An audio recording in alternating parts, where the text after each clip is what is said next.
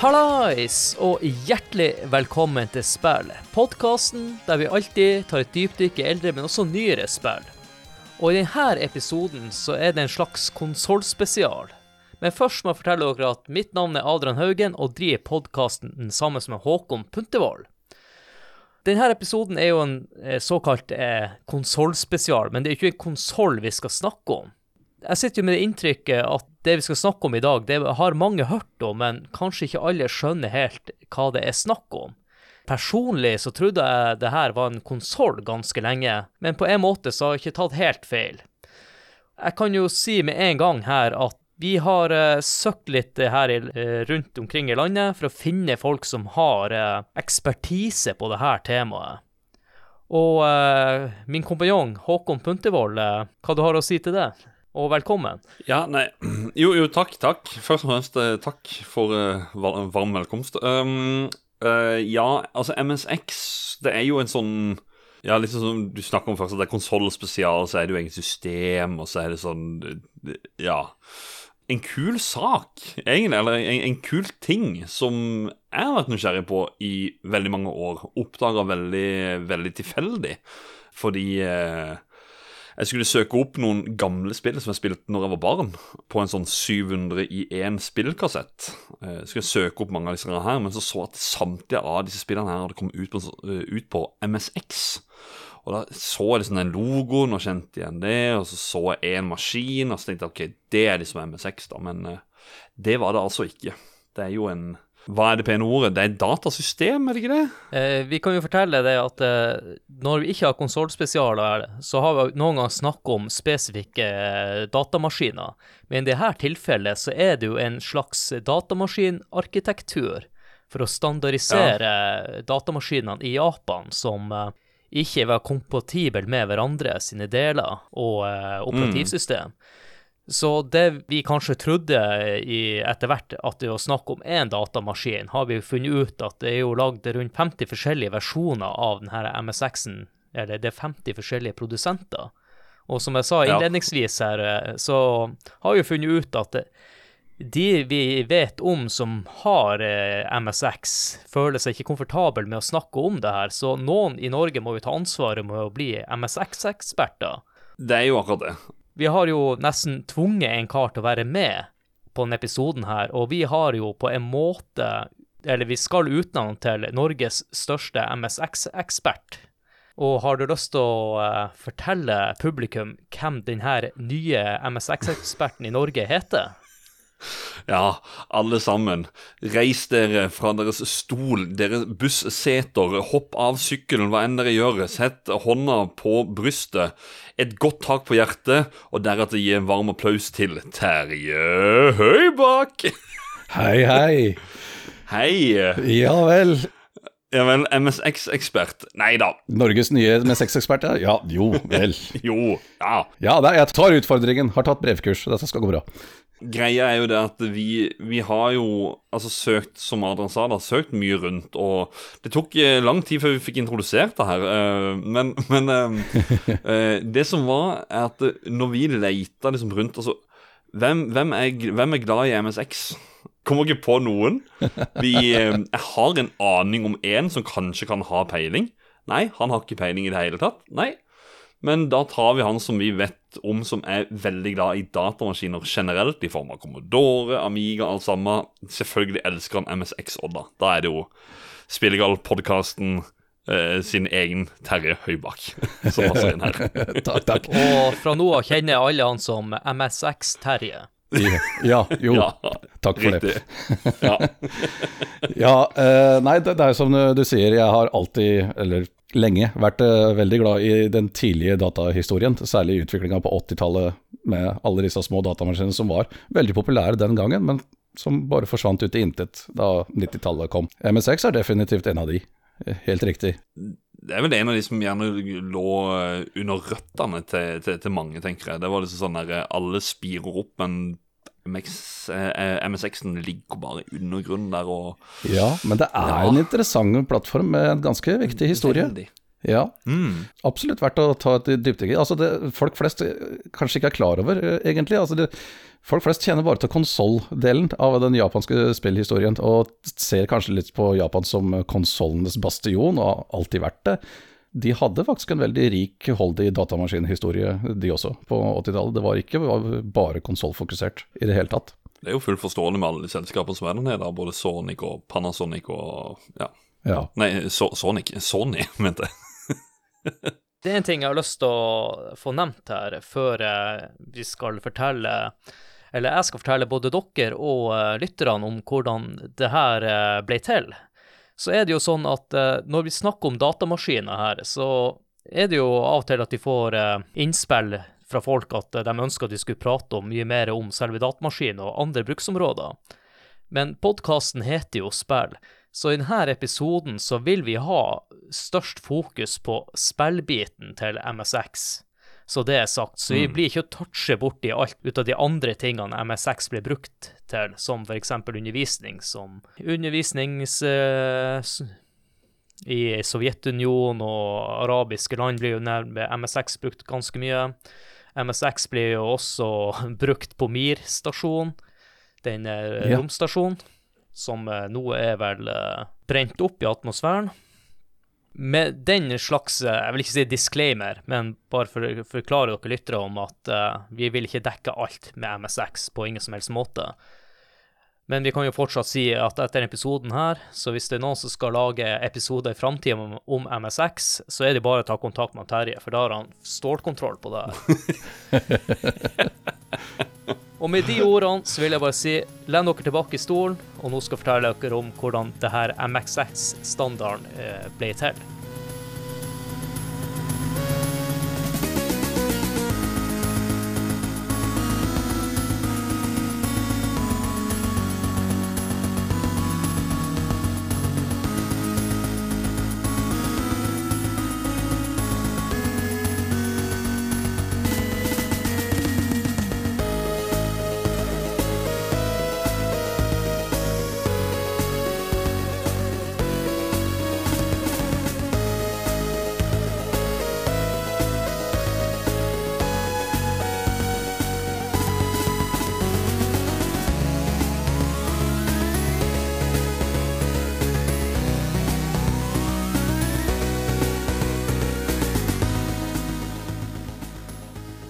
Starten av 80-tallet så begynte datamaskinen å innta kontorer, men også i husholdninger. Som jeg nevnte tidligere i episoden, så var det veldig mange PC-produsenter med egne løsninger. I Japan var dette et veldig stort problem, da, for ingen av de datamaskinene der var kompatible med vestlige datamaskiner. Og her var det mange etablerte PC-produsenter som NEC, Fijitsu og Hitachi hvor samtlige av de her hadde egne løsninger på PC-komponentsammensetninger. Og de hadde også egne versjoner av operativsystemet Basic. Og utfordringa var at ingen av de her versjonene av Basic var kompatible med hverandre sitt system. da. Og pga. her utfordringene så var det en mann som ønska å finne løsning på her utfordringene, og det var visepresidenten for Microsoft i Japan, han Kushiko Nishi. Han ønska å innføre en PC-standard sånn at både software og hardware ville være kompatibel og kommunisere uavhengig av produsent. Inspirasjonen til denne løsninga henta han fra VHS-markedet, som hadde hatt samme type utfordringer, men nå hadde de innført en standard hvor VHS-kassetten kunne passe i uansett hvordan type videospillere, uavhengig av leverandør. Og hvordan strukturen til dette konseptet skulle være, der henta han inspirasjon og løsninger basert på Spektra Video SV328. Og hovedgrunnen til at han valgte denne datamaskinen, var at eh, maskinens hardware var stort sett bygga på hyllevarer. Og dette var en maskin som var mer lik arkitekturen til vestlige datamaskiner. Og når det kom til operativsystemet, så skulle den også standardiseres. Og operativsystemet ble kalt for MSX Basic. Og etter hvert ble det også utgitt MSX DOS. Det var mange ut av de japanske selskapene som var positive når de fikk høre om denne arkitekturen. Og blant de her eh, selskapene som ønsker å kaste seg på MSX-bølgen, var etablerte PC-leverandørene Fujitsu og Hitachi. Andre selskaper som også ville kaste seg på, var Cannon, Toshiba, Pioner, Yamaha og en god del andre japanske selskaper. Og mange av disse selskapene ønsker å komme raskest mulig i gang med produksjon, sånn at deres maskiner skulle være klar for releasedato til MSX. Og det må nevnes at de aller fleste av her japanske selskapene ønsker ikke å prøve seg på det vestlige markedet. Og det skyldtes bl.a. Commodore som førte en hard priskrig i Vesten. Men dette stoppa ikke Yamaha og Spektra Video å prøve seg. Dessverre for deres del så lyktes de ikke i det her eh, vestlige markedet. MSX eh, PC-struktur ble sluppet ut på markedet 21.10 i 1983, og dette var faktisk to år før Famicom ble utgitt. Og dermed var det mange spillselskaper som Hudson Soft og Konami som er interessert i å lage spill og porte sine arkadespill til MSX. De her MSX-maskinene fikk raskt betegnelsen som en gamingcomputer, og noe av det her vil vi gå nærmere inn på litt senere i episoden. Jeg vil også nevne at det ble jo gitt ut flere MSX-maskiner, og den første kom bare to år etter, som ble kalt MSX2 i 1985. Og tre år etter det igjen, i 1988, så kom MSX Pluss. Og alle de her tre var 8-bit-maskiner. Og sistnevnte ble kun utgitt i Japan. Og i 1990 ble MSX Turbo R, som var en 16-bit-standard, introdusert. Og Panasonic var eneste produsenten som fulgte denne standarden. Og etter hvert så ga Panasonic opp pga. de høye kostnadene, og ønska å skifte fokus over på 3DO i 1993 det at Panasonic ga seg, markerte slutten på MSX-arkitekturen si historie. Og MSX solgte naturligvis best i Japan, men også i Sør-Korea. Og merkelig nok så fant MSX også veien til Sør-Amerika, og spesielt Argentina og Brasil. MSX solgte eh, totalt rundt 9 millioner maskiner.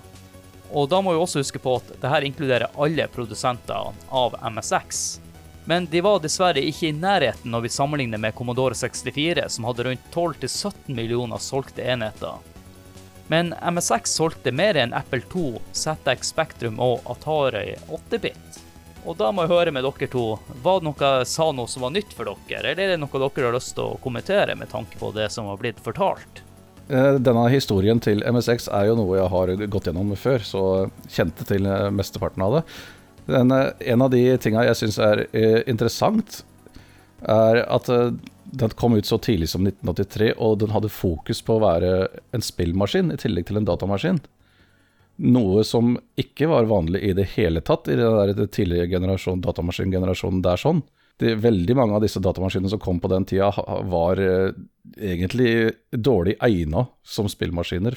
Og hadde gjerne noen grafiske kapabiliteter, for de tenkte at folk kanskje ville spille litt på dem eh, sånn utenom, ved siden av mm. det egentlig programmeringa og jobbinga de skulle gjøre på den. Så det var veldig få maskiner som kom på den tida som var fokusert på å gjøre spill bra. Det, det, det, skjedde liksom ikke før uh, mer sånn 85-86 sånn ellers, men MSX hadde den tanken allerede i 83, og det, det, det er litt gøy. Det er som du sier eh, der, Terje. ikke sant? Spill hadde sitt inntog, og det her med at MSX var jo før Famicom. Så de fikk jo som jeg nevnte, Konami var jo en ganske stor aktør innenfor MSX og Hudson Soft. Og vi skal jo snakke litt eh, senere om de her spillene.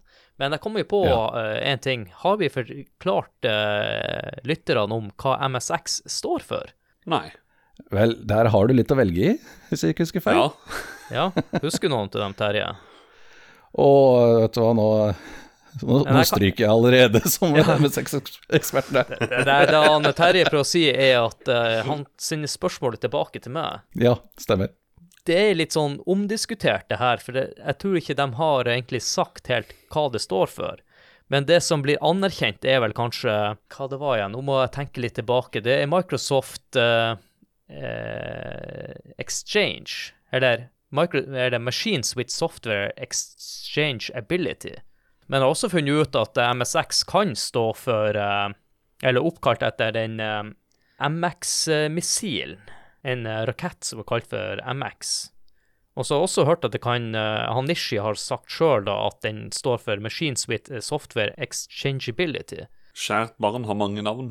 ja, og det jeg prøvde å antyde, at det er vel egentlig ikke et offisielt riktig svar. Det, er, det har blitt gitt flere svar opp igjennom fra alle de store aktørene i det første navnet jeg hørte, det var jo Microsoft System Expand, eller Expansion, eller noe. Det, det var i hvert fall noe Microsoft. Og det var jo det som blåste meg av banen. at Microsoft har vært inn på den banen her i det hele tatt, for det streifa ikke tanken min. Det minste, når jeg første gang toucha borti liksom systemet eller så om MSX i det hele tatt. Fordi at min tilknytning har jo med spill som kom ut på Tendo og Famicom, som ja. også var på MSX.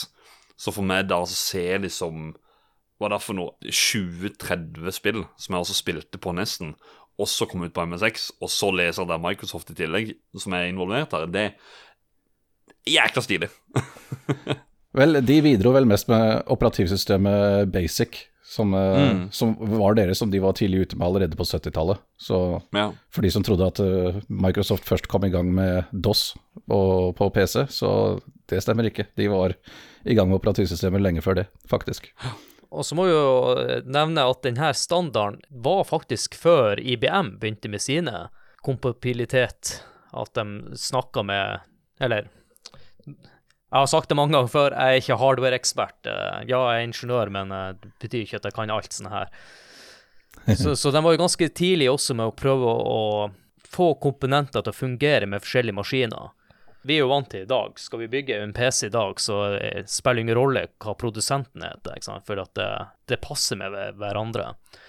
Jeg tror også at uh, for MSX-standarden sin del, så tror jeg de var litt for sent ute. Som jeg nevnte her, så hadde jo Commodore eh, ganske godt fotfeste, i hvert fall borte i Vesten. Og så hadde jo ZX Spektrum eh, et godt fotfeste i, eh, i, England, da. Ja, stemmer. Hvis de hadde vært litt tidligere ute, så kanskje at uh, ting kunne vært annerledes på verdensbasis også. Altså, ting mm. skjedde veldig fort for uh, omtrent nesten alle som bare klarte å være først på markedet i sin region, egentlig. Og du nevnte jo, Terje, at de var ganske framsynte når det kom til gaming, og tok ja. hensyn til det. Men det jeg vil nevne, er at denne, når de eh, skulle utvikle MSX2, så hadde de allerede på forhånd tatt i betraktning at det her skulle være bakoverkompatibel med hardware fra MSX. Ja. De var ikke først ute, men de var kanskje først ute med å ta hensyn til det her med en gang. For eh, andre PC-produsenter så blir det her litt mer en sånn ettertanke. Vel, MSX2 er eh, mer enn bare en oppgradering av eh, den vanlige MSX-en, egentlig, enn, å være en neste generasjon i mm. MSX-familien. Altså, basically så har den bare litt mer ram og noe bedre oppløsning og antall farger i grafikken, men det er fortsatt samme CPU og samme operativsystem, nesten. Nei, det var en ny versjon av Basic på den også, men eh, utover det så mm. var det veldig mye den samme maskinen egentlig, bare litt kraftigere. Vi, vi, har jo nevnt nå at den er ikke så populær i Vesten. Det vi kan nevne der, er jo at uh, når MSX kom ut, så var det jo noen folk borte i England som gambla på at det her var det nye. Så de bestilte jo maskiner i hopetall som ble sendt til Storbritannia.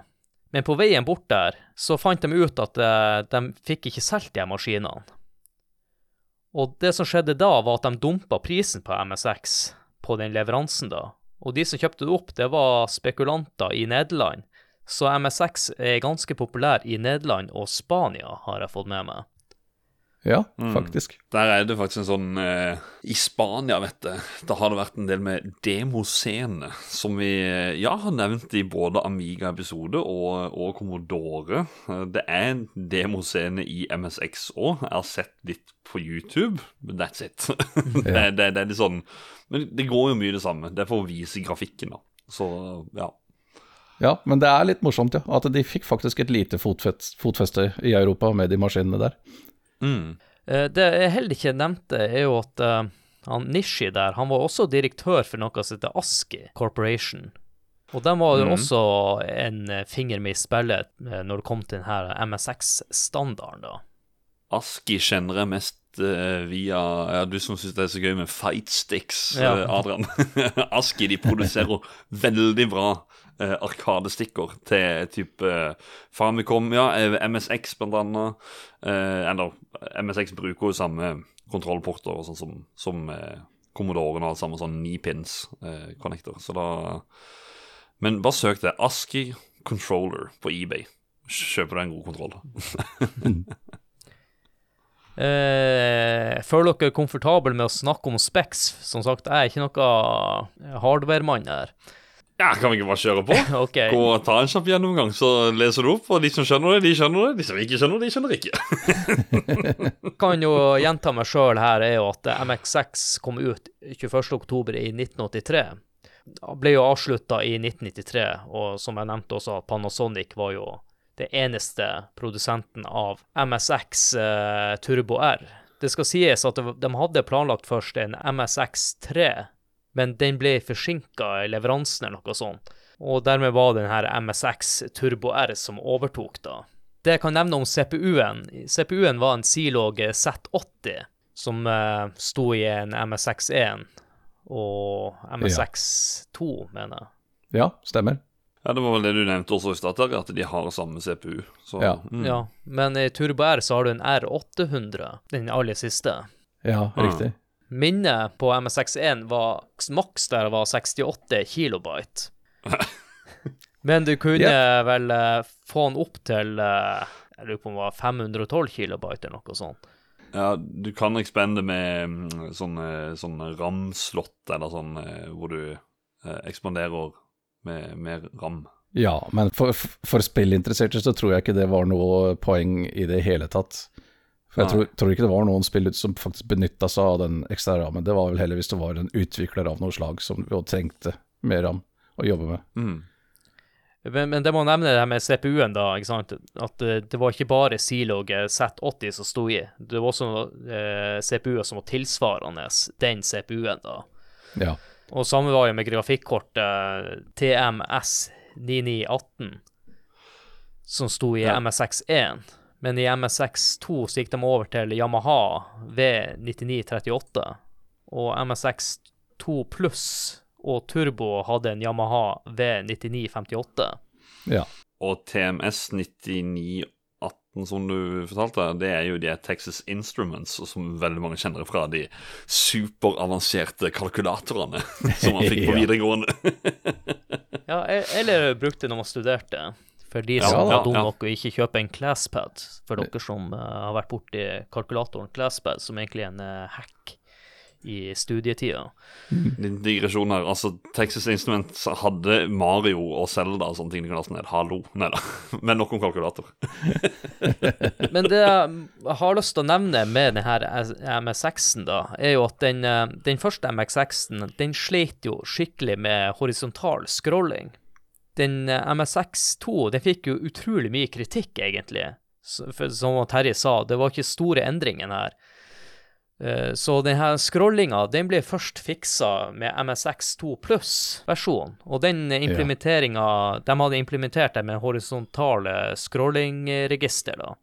Som gjorde at spill fløyt bedre. Mm. Og så når det kom til MSX2, så fikk jo de også kritikk, for de hadde ikke oppgradert uh, lydchipen. Og det her Ja. ble jo gjort når de eh, gikk eh, over til MSX2 pluss. Og den chipen den blir jo referert nå som MSX Music. Greia er her at mange mener at denne MSX2 pluss burde egentlig vært MSX2. På grunn av at det var så få endringer, og så tar det tre år, så kommer det med noen oppgraderinger til MSX2 plussen. Og det kan jo også være en grunn til at det ikke gjorde det bedre, med tanke på andre typer datamaskiner som kom ut på den tida, så hang de ikke helt med i den perioden. Nei, det er jo eh, Vel, hvis det, MSX2, da snakker vi så rundt 86? Det- Ja, den kom ut i 85, og så kom MSX2 pluss i 1988. Ja, eh, så jeg vet ikke hva som foregikk i Japan i, i 20 akkurat der. Her i Vesten hvert fall så var jo datamaskinmarkedet da i ferd med å gå og introdusere 16-bit-maskiner. Ja. Så sånn sett så hang MSX2 langt etter, egentlig. Det er bra du sier det, Terje, for jeg nevnte jo det her i stad, at den første 16-bit-maskinen eh, var MSX eh, Turbo R, Ja. som var den første, den kom i 1990, ikke sant? Så de hang etter, og Ja, men det var den første MS6-maskinen. Men jeg lurer på om ikke den der Sharp eh, som var 68 000 Motorola-basert, det var jo 16-bit. Tror den kom litt tidligere. Ja, det, ja, det kan godt hende, ja. men jeg, jeg, sitter med inntrykket her, ikke sant. Når ja. Panasonic er eneste som satsa på MSX Turbo R, ikke sant. Det var, det var opprinnelig 50 forskjellige PC-produsenter som gikk mm. for MSX-standarden, og så den siste versjonen så har du kun Panasonic. Jeg, tr jeg, tror det var noe av problemet, ser du. At uh, Sharp sin uh, 16-bit-datamaskin var allerede ute og hadde fått uh, ganske god var veldig anerkjent, da. Ganske godt likt borti Japan. Og at uh, MSX kom med sin 16-bit-variant altfor sent, rett og slett. Den Sharp-maskina hadde en sånn glansperiode der borte, før vanlig Windows-PC etter hvert tok over ut på 90-tallet. Vi har jo alltid i episodene også diskutert litt sånn designet Eh, men det er jo litt vanskelig når det er 50 forskjellige typer MSX-maskiner. Men det er én ting jeg, som i hvert fall jeg beit meg merke i, er jo at den har en egen eh, cartridge-mulighet. Ja, cartridge-slotten. Det er faktisk to. Det er slott A og slott B, som regel. Ja. Og Terje, du som kjenner til mange maskiner, hvor, hvor vanlig var det på den tida? Ja, Det var faktisk ganske vanlig. F.eks. Commodore sine VIC 20 og Commodore 64 hadde begge, begge cartridge-slots, uh, de også. Men hadde de to, sånn som denne? Nei, det hadde de ikke. Nei, Nei. Nei hva, hva, som er nøyaktig grunn til det, det vet jeg ikke om det kan være noe programvare eller noe som eventuelt skal kjøres. For jeg har aldri sett noen spill som i hvert fall har to slots, men jeg vet at hvis du kjører f.eks. det ene spillet i slott B istedenfor slott A, så Kanskje du har en annen karakter du spiller med, eller en, um, en sånn easter eggs da, som, kommer frem av det. Men uh, Vel, cartridges på datamaskiner starta jo med å være ekspansjoner til operativsystem som kunne gi litt ekstra minne, litt ekstra mm. funksjoner, slike ting. Så du skulle slippe å laste det inn hver gang, for lastetider på datamaskinen på den tida, det var et kapittel for seg selv, det også. Mm. Ja, Sånn at det bare var der, og gikk med en gang du skrudde på maskinen. Og det var det da ja. selvfølgelig noen spillprodusenter som da fant ut at det, det er i grunnen praktisk for spill også. For å si det sånn, når det kommer til spill og sånt til MSX, så den kjørte jo ikke bare cartridge, den kjørte jo også disketter og kassetter. Og når jeg sier kassetter, så mener jeg gode, gamle kassetter. Ja. Yes. Tapes. Lydbånd. Ja. Konami Nå skal jeg ikke hive oss ut på glattisen, men jeg mener at de lagde stort sett cartridge-baserte spill til MSX. Det er faktisk nå nylig. Vi snakker nå slutten av august 2023. Jeg har sett nylig på en Facebook-side, tidligere nevnt RGB. Da var det en fyr som spurte om verdi på eh, et Donkey Kong-spill. Og det var overraskende på eh, sånn tape, eller sånn lydbånd. Jeg har aldri sett ah, ja. det, faktisk. Jeg har bare sett cartridges. Det, og det var Arkade Donkey Kong, faktisk. Så. Ja, da lurer jeg på hva lastetiden er på de der spillene. Ja, det akkurat det. Det er jo en uh, lastetid uh, Lastetida der er noe for seg sjøl. Ikke negativt. Men som sagt så hadde du ikke så mye ram i disse maskinene heller, så det tok ikke så veldig lang tid å få lasta inn 64 kilobyte uansett. mm.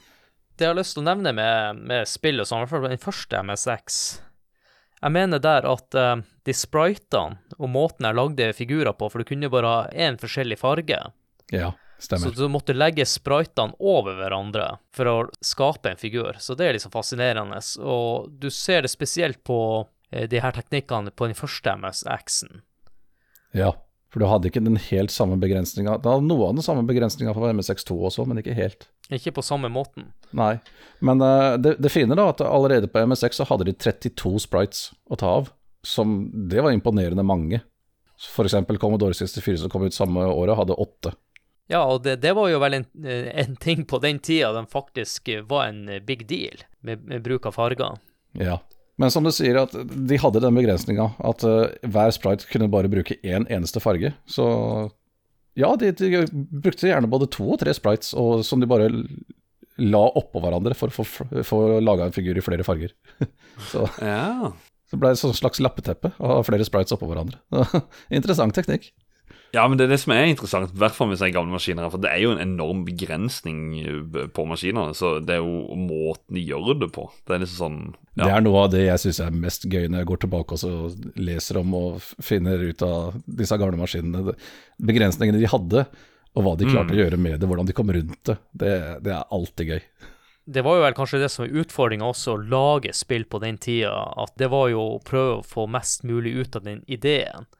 Du trengte ikke ha en stor idé heller for et spill, men det var å få det, alt det her til å fungere. Og uh, vi har jo lagd en god del spillepisoder nå, og når vi går tilbake til de gamle spillene, så er det alltid det her uh, vi snakker om å få tynt ut mest mulig av det minnet som er på den cartridgen mm. eller disketten osv. Det er jo der kreativiteten virkelig slår til, spør du meg. For at det er når vi leser, eller når vi lærer om dette her, og hvordan, eh, hvordan ting er blitt til, så er det sånn Og så, og, og, så, og så kom du på det, liksom.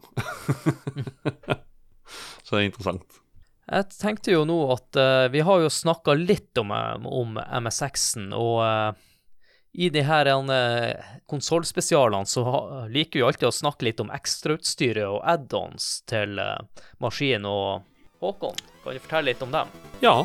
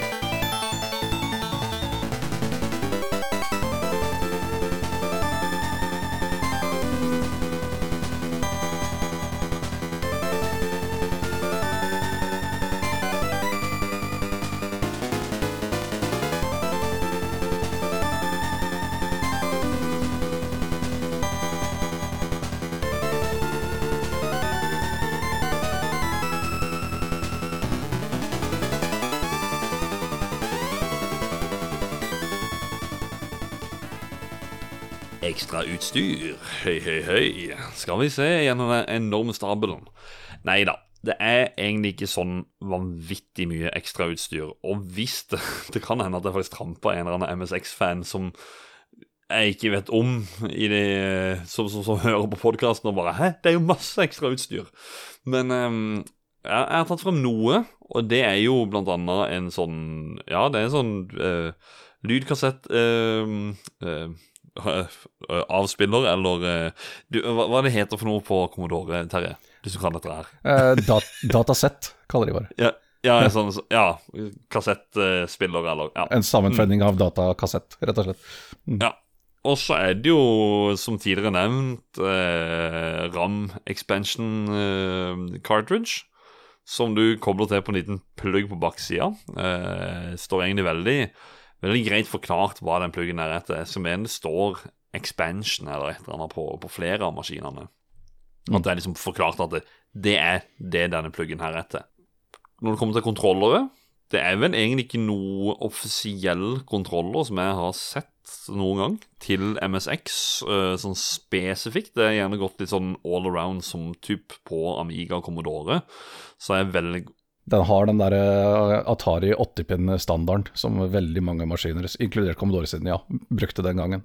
Og som de fleste nyere kids kanskje kjenner fra Sega Megadrive, muligens. Ja, og det, ja. det, det, er derfor at det er egentlig bare sånn Her kan jeg jo ta med meg Terje litt. Hva, hvilke mm, Amiga og Commodore-stikker er det man skal ta med seg videre på MSX? Vel, jeg eh, sverger til Competition Pro og Zipstick-joystickene. Eh, Uh, det er noen som er fans av en som heter TAC2.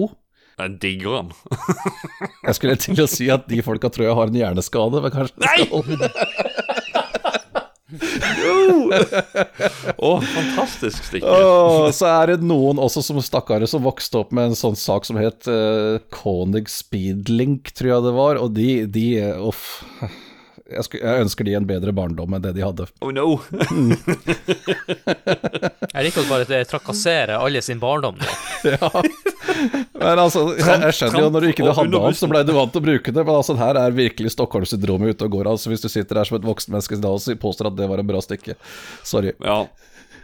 Nei, nei, nei du, hadde, du, hadde, noen av de stikkene som gikk på fjær under, og det, det er jo en klasse for seg sjøl. Men altså, som sagt, du kan bruke en uh, en uh, Atari 7800 er det vel. Den har en sånn Den har en D-pad, og så har den to knapper.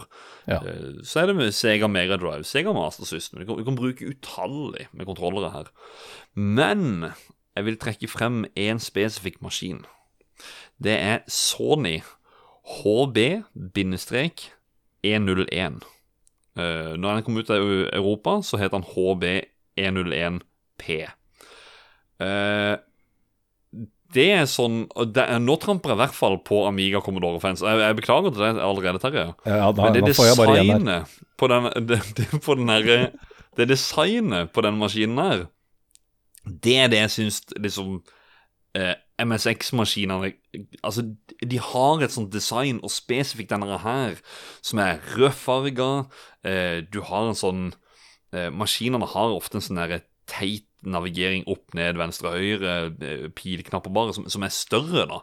Men denne her har sånne ganske svære knapper, sånn at du, du trykker de virkelig ned, og, og, har en stikke som du kan skru på for å bevege og sånne ting.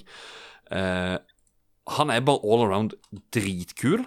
Um, der følger det faktisk med uh, to kontrollere uh, som, du, som, som, ikke ser uh, komfortabel ut å spille med i det hele tatt. To sånne klumper. men jeg kan ta feil. Jeg har ikke prøvd den. For um, skulle jeg hatt den, så måtte jeg gått inn på eBay og bladd frem sånn 5000. Det gidder jeg ikke. det er det. Uh, der må folk sjekke ut Sony HB-101. Som dere ser uh, på bildet her nå, dere to i hvert fall. Og dere som hører på, som sagt, uh, HB-101 på Google. Sony. Gå inn på bilder, finn en rød maskin. Mm. For et beist. Det er bare ja. noe med den looken. Den er uh, overdådig, for å si det pent. Jeg vet ikke. Jeg, jeg syns jo Vi har jo også sett at det er noen eh, svarte versjoner, og den svarte versjonen vil jeg jo si er mye fetere, men på en andre måte, han skiller seg ut litt. Den her minner meg om Husker du ikke den racingleken du kan eh, spille på da du var liten? eller ja. sånn der han du hadde en sånn skjerm. Ja, ja. det minner meg om den, faktisk. ja. Av en eller annen merkelig grunn. jo, men det er noe som varmer inni meg, sånn som du egentlig sier. da Det, det, det, er, noe, det er, noe, som bare Det, er noe som spirer, altså, når jeg ser den maskinen. Jeg Bare, for, en, for en look.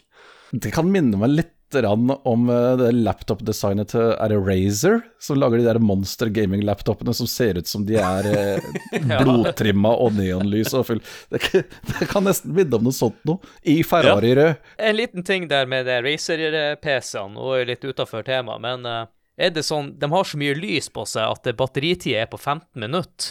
ja, det, det, er noe ikke sånn. Når jeg tenker her, så er det du må ha en ekstra strømforsyning bare for at det er deluxe er helt amazing. Neida, men den, den, sorte som du nevnte, som er ganske plain og fortsatt veldig kul, uh, den, uh, det var den vi fikk her i Europa, som het HB-101P. Uh, eh, som jeg tror igjen er enda sjeldnere enn den uten P-en. Fordi den kom ut i Japan, og det var der den var mest populær. Og så, ja, alt etter det, da. Men eh, for å hoppe over til en annen maskin Og her, nå hjelper jeg en som heter Jo André inne på finn.no.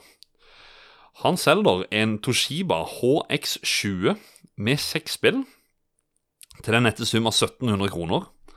Eh, som er et eh, etter, etter, hva jeg har sett, eh, skal være et veldig greit inntog i, i MSX. Det er plug and play. Det er Designet på maskinen er kult. Uh, ikke like kult som Sony HB1, men uh, det er fortsatt en sånn Ja, du, du ser, det er tastatur. Det er en cartridge slått oppå opp toppen opp hjørnet, og så er det en på baksida.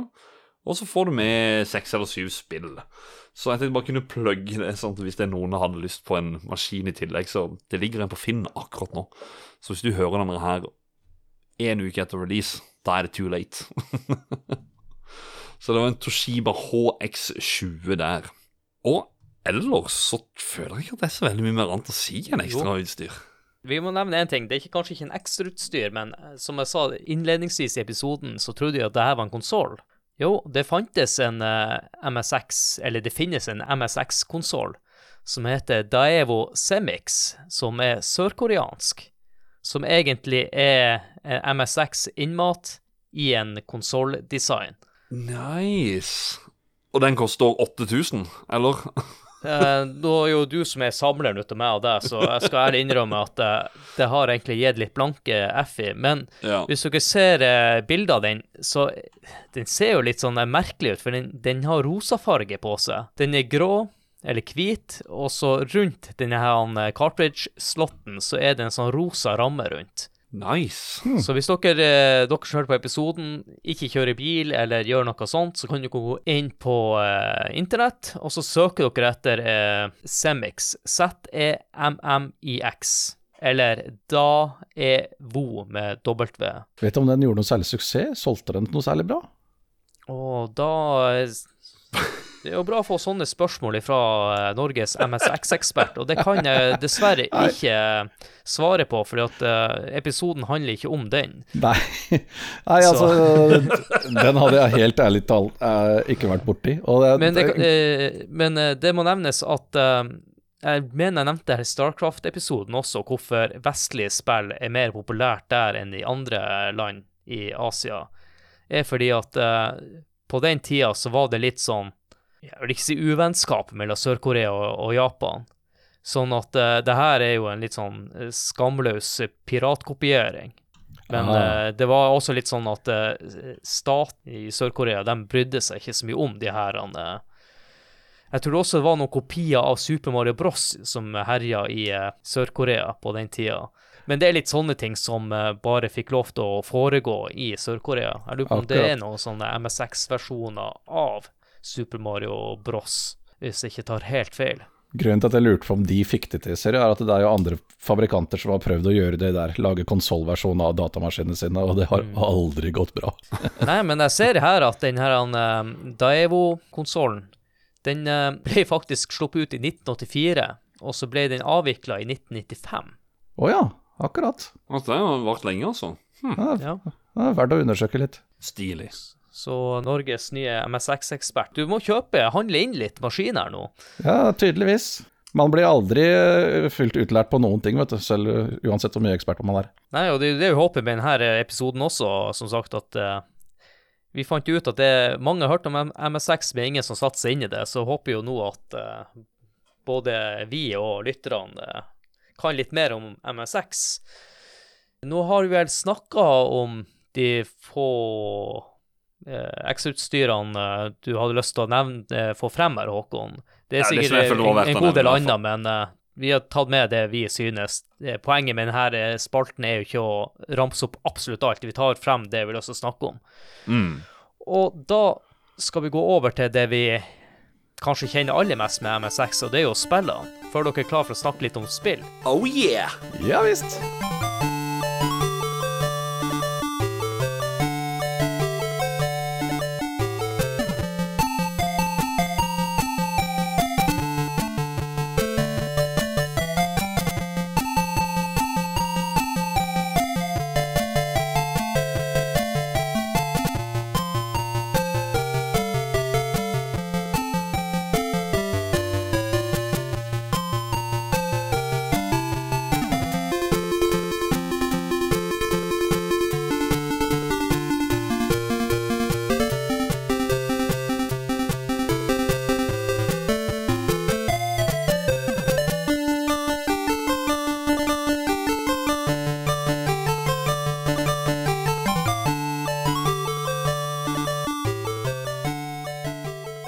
Skal snakke om spillene, Håkon. Det vi trives eh, best med når det kommer til de konsollspesialene. Mm. Hvordan eh, spill har du lyst til å nevne? Men før den tid så kan vi jo bare nevne til eh, lytterne at mange ut av de her kjente spilltitlene debuterte på MSX. Mm. Så jeg er jo spent til å høre om du har noen debutanter. Akkurat det jeg har, vet du. For um, som tidligere nevnt, den 701-spillkassetten som naboen hadde på Nes. Da var det Antarctic Adventure som vi spilte veldig mye, eller my mye og mye. Vi spilte det en del der, da. Og det var jo der jeg oppdaga Det var egentlig spillet Nei, nå lyver jeg. Nei, det var ikke det spillet. Det er det andre spillet jeg skal snakke om etterpå, som gjorde at jeg faktisk ble, ble obs på MSX. Men um, jeg så dette her og har testa det i, i, etterkant. Eh, det flyter faktisk litt bedre enn det det gjør på NES, så det er jo gøy. Uh, det er da en um, Ja, som du sa, det er, det er et debutspill. Eller, eller det er debutkonsollen, eller maskinen, eh, MSX, som det spillet kom ut på. Det er laga og publisert av Konami. Det er en sånn eh, tredjepersons autoscroller hvor du er en pingvin som heter Pentaro, tror jeg. jeg kanskje uttalte det riktig eller ei. Men um, du skal forstyrre han. Uh, skal du unngå svære hull. Du har et hull hvor det kommer en sel opp. Uh, og så har du noen fisker som kommer hoppende opp. Så skal du fange de, og fange noen flagg. Så skal du nå slutten av banen før tida går ut. That's kind of it, egentlig. ja, men, men, spillet er vel sånn som et racingspill på den tida. Du, du, du, du må dodge frem og til side, ja. Ja, det er bare autoscrolling, og så er det litt uh, fengende musikk, og that's kinda it. Jeg vet ikke hva det er for noe. Det er bare noe som fanger meg liksom sånn at jeg bare Jeg kan spille en runde til. Jeg kan ta en runde til. Én runde til, da. og hvis jeg ikke tar helt feil, så fungerte jo denne uh, pingvinen også som en slags maskot for Konami, hvis jeg ikke tar helt feil, helt i starten. Ja, for Konami? Ja. Um, ja. han er jo en del av det der eh, Parydos som det her, her, er et annet spill igjen, da. Det er jo Life for Salamander og eh, Altså mange av Konami-spillerne, hvor de da ble samla under ett. Og da ja. var den pingvinen Den har gjort mye sånne uh, uh, Herregud. Cameos, Ordet. er det det tenker på? Ja. Gjort mange cameos. Um, han har gjort veldig mange cameos i andre Konami-spill, uh, så ja. Og setter han her og der. Ha, har dere spilt det, forresten? Jeg har ikke prøvd det sjøl, men dette har jeg lest om og, og sett litt på. Og ja. Var det ikke så at det faktisk pionerte denne formen for racingspill sånn innover i skjermen-racing, sånn à la outrun? Jeg vil jo tro det, for det er jo 1984 det kom ut. Ja. Så 1984, da er det liksom I don't know. Det er veldig mange spill jeg kommer til å tenke på. Det er liksom første spillene sånn som Hang-On og sånt til Master System. Ja. Men det var jo kanskje allerede på Arkade. Jeg vet ikke. Men spørsmålet er, var det spill her før den der eh, racing-greia jeg snakka om i stad, man hadde da man var liten? Oi. For det, for det, var jo også sånn scroller. Nei, nei, dette var inspirasjonen til denne maskinen. ja. Husk det, alle sammen. Den der lille bilen jeg kjørte med da jeg var liten.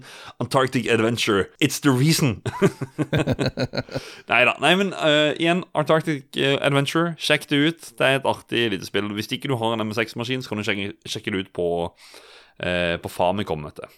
Uh, mm. Og det ligger ofte på sånne multi-cartridges, hvis dere har det. Jeg er spent på hva du har å komme med, Terje. Ja, det er, det er, faktisk veldig mange kjente titler og en kan ta av eh, fra Arcade, som ble, også ble porta til MSX, for selvfølgelig Japan hadde ganske god Arcade-industri, og MSX var Japan, så selvfølgelig. Så kjente klassikere som Arkanoid og Bubble Bobble var jo der, selvfølgelig. Men hvorfor snakke om dem? De har man jo hørt om. Så jeg har funnet fram et spill som heter Space Manbow som er en sidescrolling uh, shoot em up. Spaceman Bow. Number five. Tittelen kommer av at uh, det japanske navnet på sånn, en sånn solfisk Som sånn, uh, Veit om de der japanske fiskene? Det er ja, manbo. Ja. Manbo. Og det, det er der tittelen kommer fra, for romskipet du styrer, er designa som en sånn en. Ser litt ut som en sånn en. Ok. Ja, det, det er hele greia. det er hele greia. Men det, det, som er litt moro, er at uh, pga. den der vanskelige scrollinga og måten sprite og sånt ble bygd opp, så, så var sideskrollene, eller horisontale scrollene så ut som var sett på som en sånn liten umulighet på MS6. Space Manual var en av de tidlige som fikk det til skikkelig bra.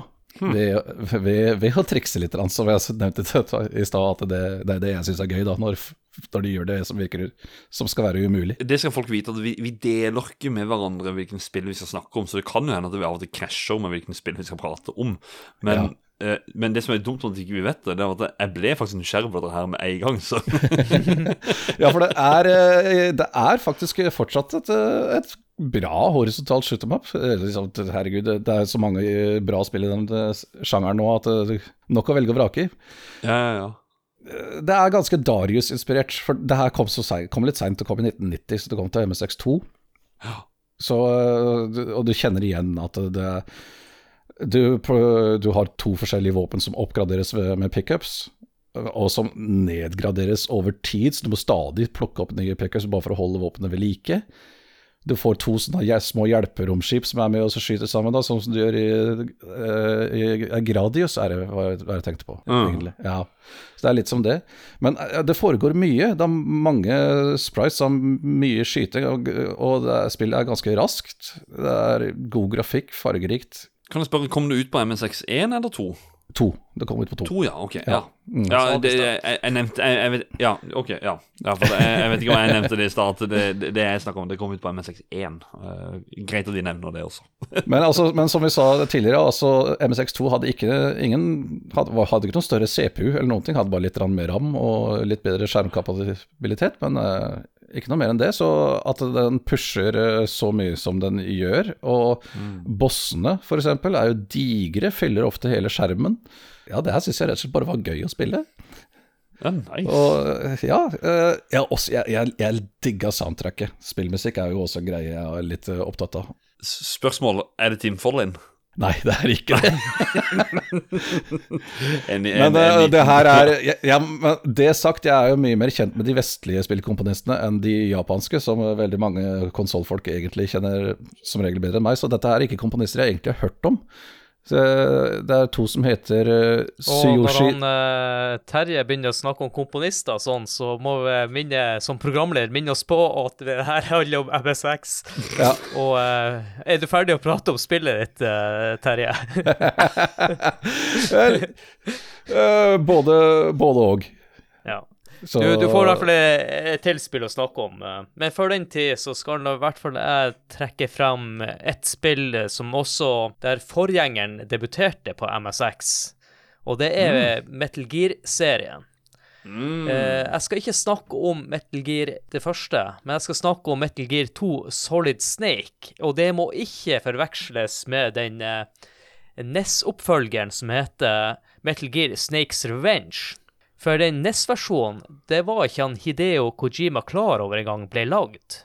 Og det fikk Stemmer. han vite i ettertid av en kollega at det spillet skulle komme ut, og kollegaen oppfordrer han Kojima til å kanskje lage en oppfølger til Metal Gear. Fordi han Kojima hadde i utgangspunktet ikke tenkt å lage noen oppfølger til det spillet i det hele tatt. Greia med det spillet her, det kommer jo ut 20. Eh, juli i 1990 på MSX2. Jeg vil jo bare få det ut der også, at jeg syns jo MSX2-spillene eh, ser bedre ut, har kulere musikk, og det skyldes vel også den når du endra lydskipen, i hvert fall på MSX2 eh, pluss, da.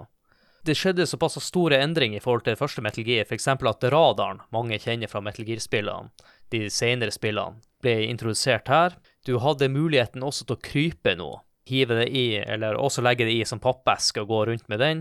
Eh, fiendene var mye smartere. Hvis alarmen gikk og trigga vakten, så følger de etter deg også på neste skjerm. Og i tillegg så var det spillet her mye mer storyfokusert enn det forrige. Så det er eh, bra mange knepp opp. Og jeg vil også nevne det fantastiske soundtracket her. og det er en eh, låt der som heter Zanzibar Breeze, og den kan jeg garantere dere blir spilt i en av de her pausene. men, kan, men, kan, jeg spørre, er dette her uh, Har du sett noe på timeline og sånt? Altså Går det inn i timeline til Nå må jeg tenke litt. Jeg tror det første Metal Gear foregår i 1995. Og det her foregår i 1999. Det her foregår etter det spillet. Oh, ja, okay. ja, jeg, og så Hvis jeg ikke husker helt feil, så Metal Gear Solid på PlayStation eh, foregår i 2004 noe sånt. Nå, nå snakke litt på gammelhusk, da. Men det, det, det, som skjedde med det spillet her, må nevnes i ettertid. For i 2004 så kom det en mobilversjon. Når du har de kodeksekvensene, så får du opp et stillbilde av karakterene. På originalen så var det bilder av han jeg lurer på han Sylvester Stallone og andre kjente skuespillere ja. i de her rollene, som Snake og diverse. Men de her ble endra i 2004 og gjorde om artworken. Så hvis du spiller nyere versjon av det her, så er ikke det den artworken som var opprinnelig. Og det, det er jo også på uh, det første Metal Gear, så har du jo bilde av han uh, Kyle Reece fra Terminator 1, som er, ja. som er kopi Eller skal forestille han, uh, han Solid Snake, da. Så han Kojima tok seg sine friheter. Jeg tror han tenkte at det her også var litt film, altså hvem han hadde sett for seg spille de her rollene. Så hvis dere uh, søker på nettet, så klar, kanskje dere finner den artworken, så kan dere se før dere uh, hvis det ble lagd en Metal Gear-film, hvem som hadde spilt de forskjellige rollene. Og det mm. var mm. egentlig det spillet jeg hadde lyst til å trekke frem nå. Og en annen grunn til å trekke frem det her, det her spillet, er jo også fordi at Konami er litt sånn den store aktøren, og kanskje den eh, spillselskapet som leverte de beste spillene til MSX. Det er det. Det er vel eh, startskuddet for eh, Konami, det var på MSX. Det er ikke noe tvil engang. Det er der det De ga ut så mange spill. Fordi det neste spillet jeg skal snakke om, det er faktisk utgitt av Konami. Folk kjenner nok best til Gunis 2 når det gjelder Gunis-spillserien. Mm. Jeg har mer personlig forhold til Goonies 1 pga. tidligere nevnte 701-spillkassetten. Men Goonies kom også til MSX, men da var det en eh, MSX-eksklusiv utgave. Det er, det, Exclusive. Den, exclusive! Mm. Så, så da, da, er det eh, Altså, i, i, de andre spillene så er det jo egentlig bare Altså, ja De spiller ganske likt, da. Eh, du har fem forskjellige scener hvor du skal gå rundt og samle opp eh, nøkler. Og så skal du redde andre Goonies, da. Altså, du, du, er jo en gjeng, så er det alle er blitt kidnappa. Utenom deg som spiller, så skal du gå rundt og eh, få tak i nøkler. Åpne opp disse burene, hjelpe de ut, og så går du videre til neste bane. Det som er gøy med det, er det at det er fem forskjellige scener per bane. Som mener fire eller fem baner totalt. Og så er det litt sånn forskjellige utfordringer på de forskjellige scenene.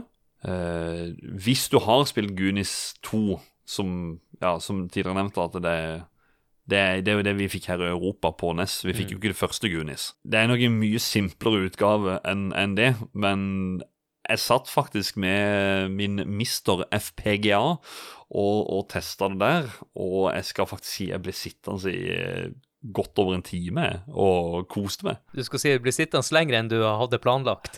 Ja. uh, mye lenger enn det jeg hadde planlagt. Um, men jeg blir også litt sånn fascinert over Der, der kommer litt den derre Det er en ting som var gøy, syns jeg. For her, her er det sånn grafikk, uh, logikk inn i bildet. ikke sant? Så er det sånn OK, hele Goonies-gjengen kommer frem. Som, det er nesten som en sånn speidergjeng som kommer frem på linje. Alle som står og vinker og hei, hei. Og så kommer en person og slår til deg, så du faller på bakken. Så, men så går denne mannen, da, som er nesten samme størrelse som de andre, liksom bort til hver person, og for hver person han kommer bort til, forsvinner. Så han, han bærer på en måte syv kids og, og bare sånn kidnapper de og bare stikker av gårde. Uh, ja. ja ve veldig logisk, sånn som uh, Ja, det er, ikke, det er ofte du ser det som folk kidnapper noen og tar syv stykker under armen og bare stikker.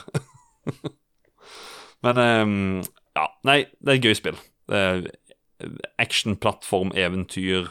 Og så har det selvfølgelig den fantastiske låta Cindy Lauper, 'The Goonies Are Good Enough' i en 8-bits-versjon. ja, det var det. The Goonies. Terje, du som uh, skal, skal, du lede oss ut på uh, spillkomponister nå òg, eller? Uh? Uh, vel det neste Han kan ta på spillcover, sånn som du gjorde. ja. det ja, neste jeg hadde tenkt å ta fram, har jo musikk av Yuzo Koshiro, da, så det kan jo bli et uh, kaninhull, det òg. Men uh, oi, jeg, skal prøve, jeg, skal prøve, å unngå det. vel, uh, det er litt juks, dette her, for det, det, her kom opprinnelig ikke ut på MSX-versjonen, MSX det er en port. Og det er de to første kapitlene i rollespillserien Ys, hvis du kjenner til de. Jeg har hørt han i hvert fall. Ja, det er veldig mange har liksom hørt navnet før, men kjenner kanskje ikke til spillserien noe særlig. Og eh, det er egentlig dumt, for det er ganske anerkjente. Veldig artige. Det, som er at eh, MSX-versjonen av YS og YS2 en må nesten alltid bare snakkes om de to spillene sammen, for de hører på en måte sammen. Og de figurerer alltid høyt på topplistene på MSX. Sjøl om de ikke de er originale MSX-spill, så blir de ofte sett på som noen av de beste versjonene av det. Var det den gangen, i hvert fall. De har blitt oppgradert en haug med ganger siden, så kanskje i, i, dag er det mer en kuriositet at de var på MSX og var kjent der. At det kanskje ikke er det versjonen man velger å spille i dag, men samme det. Det var et tidlige rollespill som uh, var blant de første som fokuserte på å fortelle en ordentlig historie, og ikke bare være bare ha en historie som et bakteppe, mens du uh, egentlig, Utfordringa var egentlig bare å klare å komme seg gjennom dungeons og, og klare spillet, ikke sant? Kan jeg spørre, er, er det litt sånn si Final Fantasy på 8-bit, eller er det For jeg har jo hørt om Ys, men jeg har aldri liksom sånn Er det, er det mye dialog, eller er det egentlig bare litt sånn rett frem RPG-spill, egentlig? Det er uh, noe for seg selv. Altså, du har jo, du har jo noen byer uh, hvor du treffer på folk, og det er litt dialog og sånn, ja, og litt sidequest og sånt noe. Ja, du har denne historien hvor uh, det, er, det, er, ofte er en sånn, veldig sånn plankekjøring, sånn ond trollmann som har noe som truer verden, og du, noen må gjøre noe med det. Og, og det selvfølgelig. Er det en sånn historie? Aldri hørt om. en ond trollmann som heter Dark Fact. Wow. Now that's a fact. Så yes. Borte i Japan så var engelske navn kule, samme om de kanskje ikke hang helt på greip. Men uh, det som er moro med dette her, at det, dette er mer som et actionrollespill som kan uh, på en måte minne litt om de tidlige Zelda-spillene, egentlig. Mm. Det er ikke sånne, sånne, random battles med rundebasert kamp, sånn som Final Fantasy, nei. Nei. Men uh, det er et fullt rollespillsystem med leveling og våpenstats og full pakke for det. Men det som er litt artig med kampsystemet, er at du ser jo monstrene gå rundt på kartet sammen med deg, sånn som du gjør i Selda. Og for å mm. angripe dem, så skal du bare gå rett på dem. Det er ikke noen slåknapp, ah, ja. ingenting. Du bare ja. kolliderer med dem. Ja, riktig. Ja, den funksjonen, ja. Og så har vinkelen og hvilken side du treffer dem på, som har alt å si på hvordan angrepet går. Det mm. verste du kan gjøre, er å liksom frontkollidere ansikt til ansikt og gå mot dem. Da tar du som regel veldig mye skade sjøl også. Så du må prøve å treffe de litt sånn off-center, eller gjerne fra siden, eller sånt noe, hvis du klarer det. Det er teknikken. Og det er bananas påfunn, egentlig. Men fungerer veldig bra. Og det Ja, det Vil du anbefale? Vel, eh, som jeg sa, det er mer en kuriositet at det, da de var på MSX, så var de veldig anerkjente da. Men uh, hvis man virkelig vil uh, er nysgjerrig på å undersøke den spillserien, så helt ærlig så er det nyversjonen som du får på Steam i dag, som er vel den du egentlig burde plukke opp. Men har den push to attack, altså, eller dytte for å attacke, eller har det egen knapp, da? Nei, det er fortsatt den push to bump, bump ja, okay, attack. Ja, okay, det er sånn, da, da, da de, de, kaller det bump, bump, combat, tror jeg de kaller, kaller det systemet der. Det er, det er ganske moro. Og de er, ikke, de er ikke, lange. Uh, du er gjennom uh, Hvis du prøver å gjøre alt i YS1, så er det snakk om åtte til ti timer bare. Og YS2 er kanskje litt lenger. Som bare, som bare, plukker opp tråden til historien nøyaktig der YS1 slutter. Så det er egentlig bare Det er faktisk to kapitler i basically samme spill, nesten. De hører bare sammen. Og det, begge to spillene til sammen er under 20 timer, liksom. Det passer jo perfekt med at han eh, Terje her, eller MSX-Terje, blir kanskje en gang i framtida og kjører en stream der han går igjennom de her to spillene. Det er jo sånn perfekt streamespill, sånn ti timer.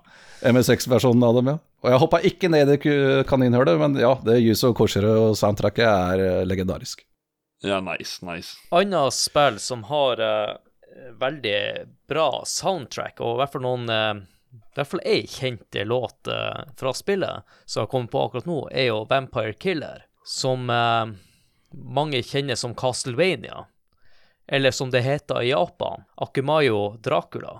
Spillet ble utvikla på, eller med tanke på MSX, men det spesielle her er at uh, det var ett NES-team, eller Nest, NES-team, som utvikla for Nessen, og et team som utvikler for MSX samtidig. Og det er faktisk NES-versjonen av eh, Castlevania som kom ut først. Men det her spillet kom vel rett etterpå. Så jeg mener det var 30. oktober 1986. Og når jeg snakker om eh, NES, så tar jeg litt feil her òg, for det ble, kom først ut til Famicom Disk-systemet, det spillet. Og de to spillene, MSX-versjonen og Famicom Disk-systemet, heter Akumayo Dracula. Og når det kom til uh, det vestlige markedet i 1987, så ble det omdøpt til Castlevania. Mm. Vi har jo vært inne på det før, med, det, med at MSX-en sleit med scrolling. Folk er, i dag er jo kjent med de gamle Castlevania-spillene som et spill som er en sidescroller. Og måten jeg løste det her på, var at de la ut Du må lete etter nøkler og sånn, så det, er mer sånn, det fungerer mer som en labyrint. Å, finne, finne nøkler for å låse deg opp til andre levels. Så det er litt annerledes. Og jeg mener også at det, du har muligheten til å spille det spillet når det kommer noen sånne ekstrapakker til Castlevania en gang i tida. Det har kommet ut flere ganger. Ja, jeg, jeg, har hvert fall, jeg, jeg, har i hvert fall sett det før. Jeg har alltid bitt meg merke i Jeg håper jeg liksom rett der, da, siste posten. Eller kanskje ikke nevner mm. det, men, men liksom, det, er, det er en Dracula Ja, det er jo ikke noe hemmelighet at det er Dracula siste boss, men han, han er ganske spesiell, den bossfighten der, altså. Enn en noen andre Castlevania-spill. Og, og, greia her, um, i Castlevania så bruker du hjertene, det, det bruker du egentlig til power-ups. Du får uh, jo mer hjerter, jo mer kan du bruke de våpnene. Men her er, bruker, eller er hjerter mer en sånn currency. Det fungerer som penger. her. For du møter sånne ja, jeg vet ikke om det er slags eh, sånn kjøpmenn eller noe sånt, så du kan eh, bytte inn hjertene mot uh, items. Det er en enda et spill spiller, i hvert fall. så, men det er jo selvfølgelig de to store titlene. Mange tenker jo at Eh, Castlevania kom først ut til MS6. Det er litt feil. Det ble utvikla med, eh, med, hensyn til MS6, men det ble også utvikla samtidig til NES, så eh, de versjonene er forskjellige. Jeg har jo også skjønt i ettertid at Konami opererte mye på denne måten, med at de lagde samme spillet, men hadde forskjellige utviklingsteam som lagde Ikke sant, det blir jo Når de lagde de spillene her attmed hverandre, så hadde jo de forskjellige ideer, for det er to forskjellige team. Og det kan jo forklare hvorfor noen av spillene er litt annerledes, for det om det er samme tittelen og mm. på en måte skal være samme spillet, da. Ja. Og da har vi jo fått nevnt noen spill, eh, og Håkon, du var jo rett før vi skulle spille inn her, så heiv du ut en spørsmålsspalte, og jeg så raskt ja. over det, og de fleste nevner vel spill, så vi kan jo egentlig bare fortsette i den duren, og Håkon har lyst til å ja, en, en, men en, an, en, liten anbefaling helt sånn på tampen, bare når det gjelder spillene. Uh, jeg så litt sånn uh, I forkant av episoden så har jeg lyst til å se kan jeg kjøpe med en MSX-maskin, f.eks. Så jeg har vært på eBay og sett. Da snubla jeg over japanske PlayStation 1-spillet Konami Antiques MSX Collection. Uh, ja. Så hvis du har en sånn action replay eller hva det er for noe, som, eller ja, en chippa maskin som spiller regionfritt, så kan du kjøpe det er tre volumer som har sånn samlepakker med MSX-spill. Jeg tror det er hovedsakelig MSX1, men eh, da kan du i hvert fall få de på en maskin, da. Så Konami Antiques MSX Collection.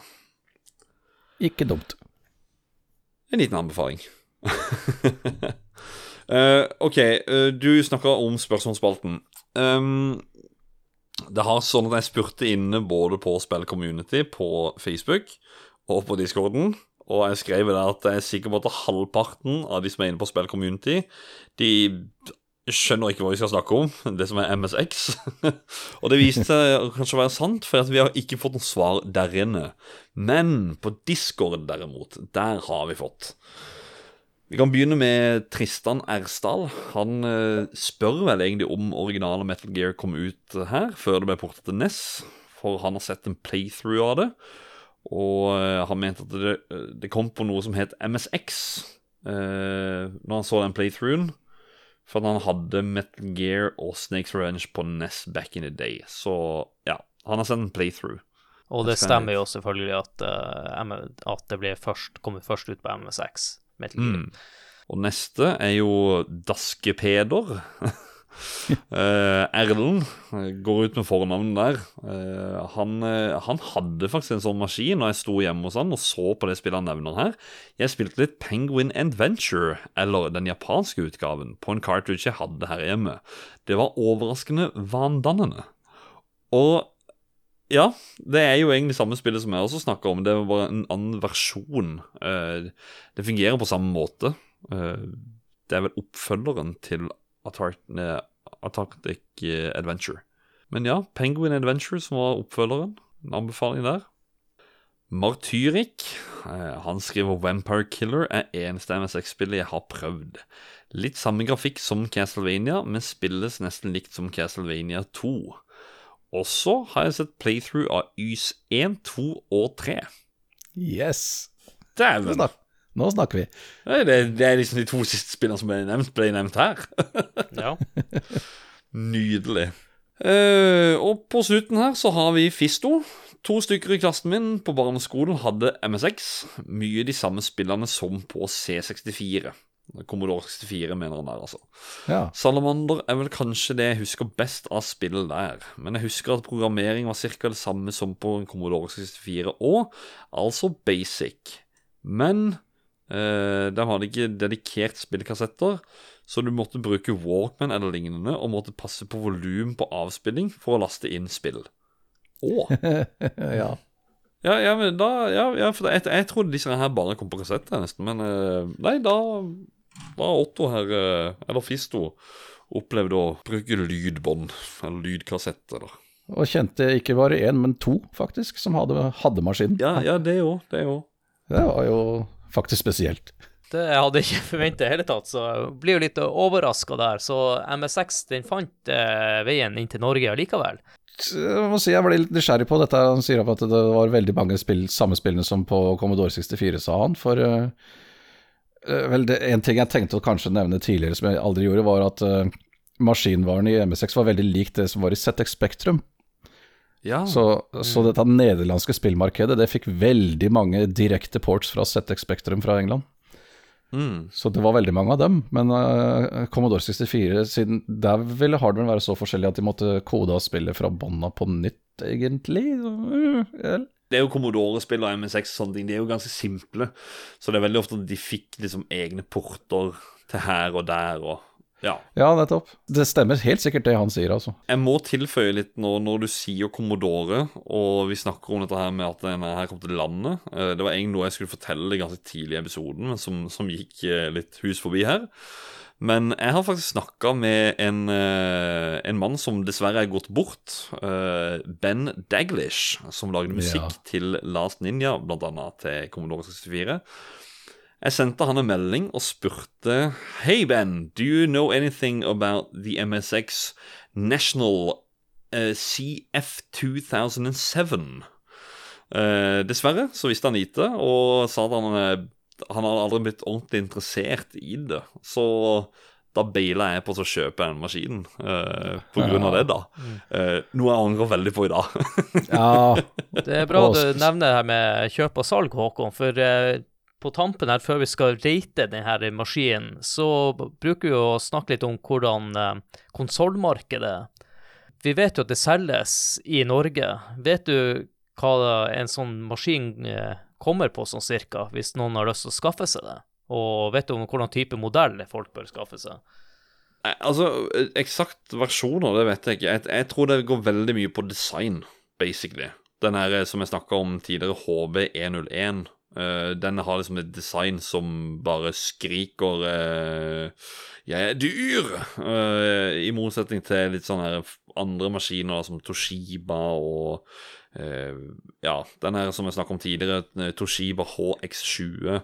Eh, det ligger jo flere ute på Finn og sånn til salgs, og de ligger på en sånn 1500. Og de skal være rimelig plug and play, altså. Jeg vil vel anta at det er helst en av de europeiske versjonene du vil se etter, med mindre du har lyst til å lære deg kanji. Ja, ja riktig. Sant. Ja. ja. Og da er det vel helst Philips, eh, vel, som eh, var den nederlandske versjonen. For det er jo et nederlandsk selskap. Jeg, jeg vet da, Toshiba har jo også hatt en, som jeg nevnte her i stad. Men uh, den, den, de kom ut med en europeisk versjon, vet jeg. En HX10, ikke HX20 som var den andre. Nå, nå, kaster vi ut mange modeller her, og ja. um, vi skal jo snart hoppe over til ratinga. Og da må vi finne ut hvordan ut av de her modellene skal uh, representere MSX. Å, fytti grisen, det har ikke vi tenkt på, nei. og, og, vet du hva, siden vi allerede har snakka så mye om Sony HB101, så tenker jeg at vi tar utgangspunktet i den. Og så går vi over til å rate MSX Sony HB101. Vi tar den svarte versjonen og dropper den røde.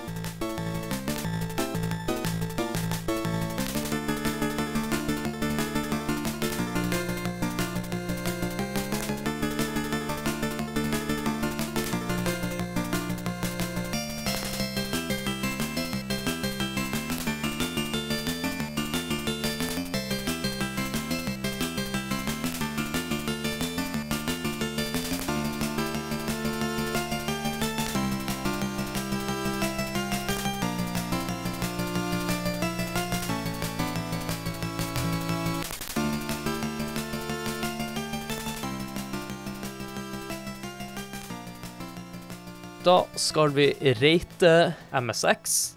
Vi har jo kommet på en egen uh, ratingsystem her, jeg og Håkon, siden Nintendo-magasinet aldri har rata en maskin. Kriteriene her det er utseende, kontrolldesign, brukervennlighet, spillebibliotek og grafikk og lyd, og skala ned fra 1 til 10. Og utseende, Håkon.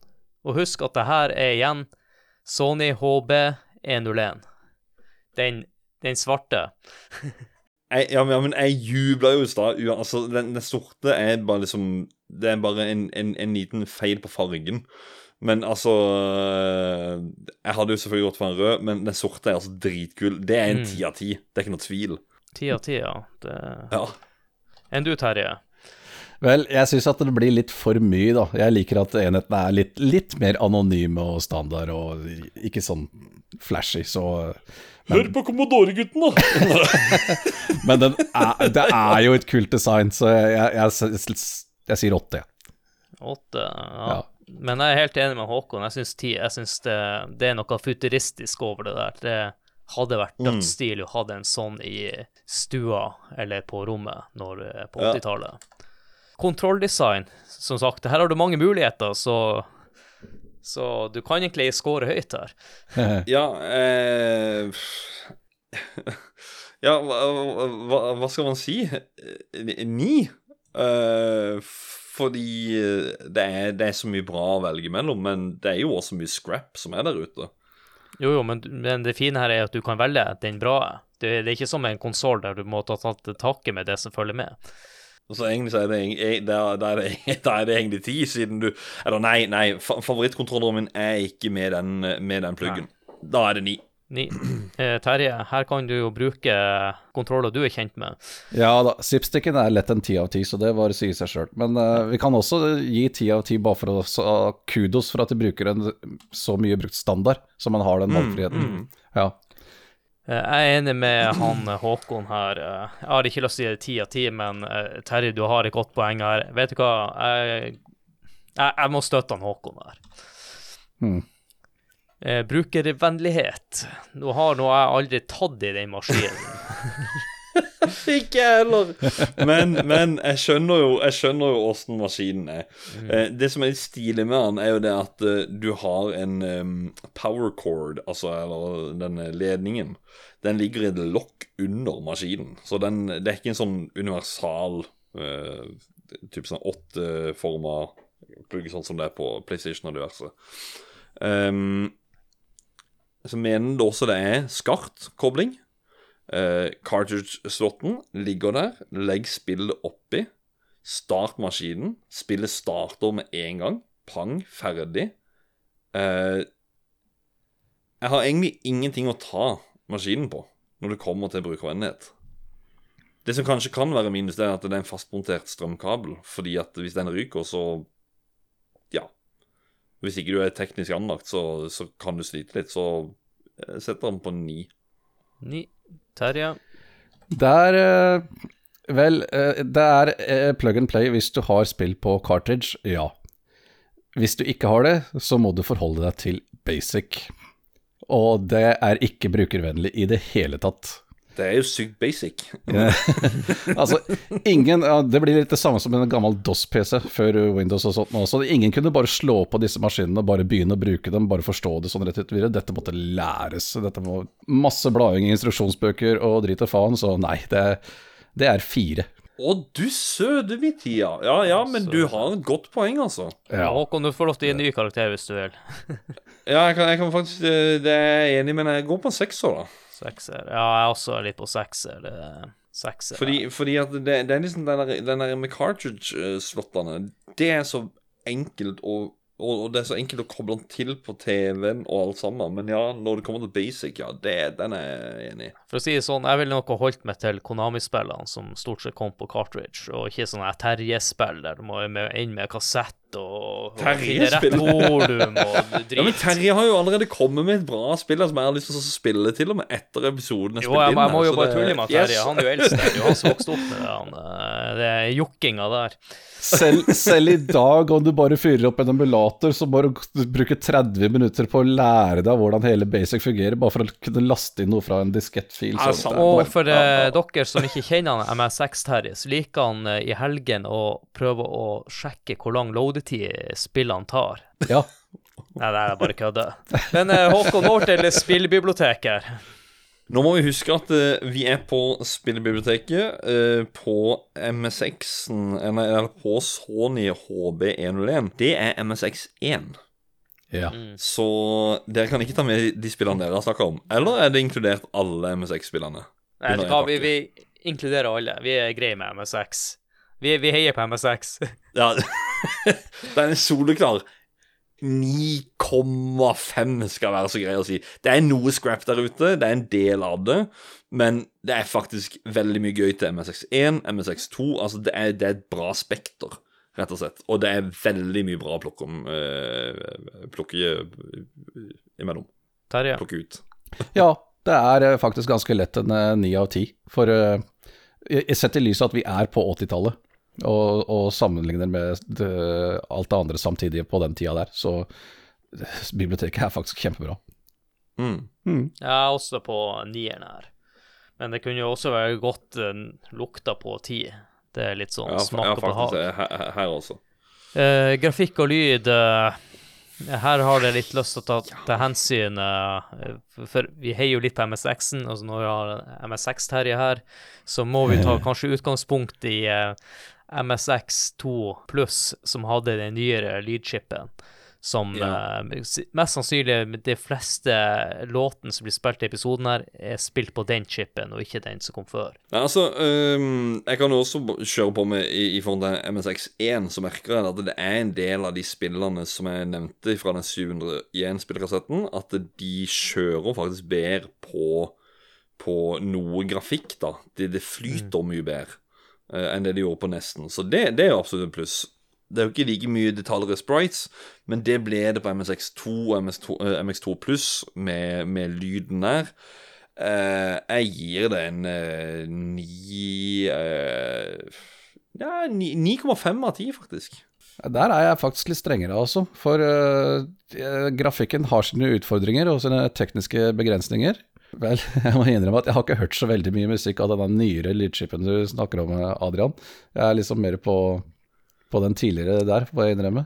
Ja, Du og da er det flott, eh, Terje, at du blir høre episoden også. Så da får du bli introdusert for uh, mye av den gode musikken. Men det kan hende at det også blir noe vanlig MSX-musikk. Den gamle lydskipen øh, der var den såkalte AI-chipen, som var den samme som sto i ZX Spektrum og Amstrad CPC osv. Så, videre. så for de som kanskje kjenner, har, har hørt noe derfra, i tilfelle, for å ha noe sammenligningsgrunnlag. Men uh, det er jo også imponerende hva de fikk til likevel, på tross av det. Så jeg, jeg, vil- jeg sier at jeg går egentlig litt høyt når jeg sier syv. Syv, ok. Jeg er nå enig med han Håkon. Jeg syns Ja, det er bra. Men jeg skal gi det ni. Hmm. Men ni og ni og en halv, det, det er nå nesten det samme. Det, det. Men det skal også sies da at alle disse her eh, eh, Altså Sånn som dere har hørt nå i stad, jeg baserte jo mitt svar på det, og så baserer dere seg på det. Altså Det er jo MSX er jo som sagt et system, det er jo ikke en konsoll. Det er jo det vi har snakka om Mm. i hele episoden. Så det er liksom Det er, veldig, det er veldig vanskelig å rate dette her. Ja, Så man må ta sine egne synspunkt på det, og så må man bare ta det ut ifra det, rett og slett. Ja, eh, Normalt sett så ville vi jo aldri gjort det på denne måten, for nå, eh, nå, nå har vi hevet mange ut av de forskjellige versjonene Ja. av denne standarden i én. Det, det er ikke ofte at vi lager en episode om akkurat det her, men som sagt at når vi satte i gang, så hadde vi kanskje ikke forståelse om hva MXX egentlig er. Men jeg håper jo, sånn som vi nå har en forståelse for MSX, så håper jo du som har hørt på episoden også skjønner litt mer eh, hva det dreier seg om. Ja. Og uh, med det så uh, Terje, har lyst til å plugge podkasten du driver? Ja, det kan jeg godt. Vi har, eh, Det er spillegal.no Community communityet som starta sin egen podkast. Ja, det er bare alle i hele communityet deltar eh, når de føler for det, egentlig. Det har stort sett vært mye av de samme, men eh, vi får stadig inn nye som eh, prøver seg. Vi prater om spill. Spill fra når som helst, hva som helst. Er det, er, det, er det, litt sånn, jeg holdt på å si, er det veldig spillegal-retta, eller er det mer sånn Eller er det noe for alle, på en måte? De prøver at uh, det skal være for alle. Vi gjør det. Ja, Siden ja. du sa at det var community, at det var liksom litt flere og flere flere fra community som er med, da. Men det er jo dritkult at, dere har en, at det, det, er en formel dere bruker, eh, sånn at det er flere fra communityet som, som joiner, på en måte. En community-podkast. Eh, ja, for det var inspirasjonen at vi har diskutert spill i over 20 år på, i dette communityet, og er etter hvert eh, Vel, ganske mange av de som henger der, har greie på det, rett og slett. Det er, vi, det er mange med veldig stor spillkunnskap der, og det, vel, ja, det, det, har vi lyst til å spre litt utover, da. Herlig. Mm. Jeg syns det, det, er en fin podkast. Og Håkon, vi må jo plugge vår egen podkast òg før vi avslutter showet. Ja. Yes! Jeg skulle da si sånn som jeg sitter med nå, men det gjør jeg ikke, for jeg sitter med en svart hoodie. Men du kan også kjøpe en svart hoodie med spellogoen på, hvis du vil. Eller Hallais, eller hva annet. Vi har litt forskjellig inne på Spreadshirt-butikken. I ymse uh, ting av kaffekopper, T-shirts, you name it. Og så Måten å støtte spill på, det er å tipse venner og bekjente om podkasten. Kanskje gå inn på Spotify eller på Apple Podcast og gi en sånn stjernerating. Det hjelper oss veldig. Og så er dere alle sammen hjertelig velkommen inn til mm, Facebook-communityet vårt, som heter Spill Community, eller Discord-kanalen vår. Og like oss på Facebook. Det kan dere gjøre via linkene som ligger i episodebeskrivelsen så må dere sjekke ut spillhistorie.no, hvor Joakim Froholt han skriver en eh, artikkel om hver episode. Og jeg tror spesifikt denne episoden her Da er jeg veldig spent på hva han skriver for noe. Fordi at dette ja. her er sånn tema jeg tror treffer han og hans skrivestil veldig, veldig gøy her. Skal vi, det er veldig spent. Så gå inn på spillhistorie og se hva han skriver der. Så er vi jo også i et samarbeid under Lolbua Inc. Eh, da med Lolbua, Ragequit og Likos univers med gjedda. Sistnevnte der, Likos univers med gjedda, de er nå på egen feed. Så hvis du har hørt om de før, så er de nå på en egen feed som dere kan ta og trykke på følg. Og hvis dere ønsker å backe oss, så kan dere gjøre det via patrion.com slash lolbua. Da har vi i spill Vi har en egen podkast der som heter Nachspiel, hvor vi Ja, det, det, det, ligger så mye i tittelen at det, det er nachspiel. Uh, og så kan dere joine festdeltaker, uh, som da er også Roffelbua, hvor vi alle i Lollbua Inc. Uh, ja, finner på et eller annet sprell sammen. Det var det, og så vil jeg si tusen takk til deg, Terje, som gjester igjen. Du har jo tredje episoden i år, og det er ikke ofte vi har gjester som er med på tre episoder i løpet av et år, men det er jo artig at du blir med, og nå er jo du blitt ekspert på MSX, Terje. Endelig. Alltid hatt lyst til å bli. Og takk til deg, Håkon. Eh, det her, vi har glemte å si det innledningsvis i episoden. Vi er jo ferdig med sommerferien. Vi har hystarta med en uh, retromesse uh, spesial fra retromessa nå i år, 2023. Og mm. det her er den første episoden vi lager etter sommerferien. Ordinær spilleepisode. Ja, det er godt å være i gang. Det, det er ikke noe å si. Litt, litt uvant etter en ferie, men vi skal bare gønne på nå. Nå. Det er nå det blir gøy. Og med det så vil jeg bare si tusen takk for at du hørte på episoden. Og on that bombshell, ha det! Ha det! Ha det bra.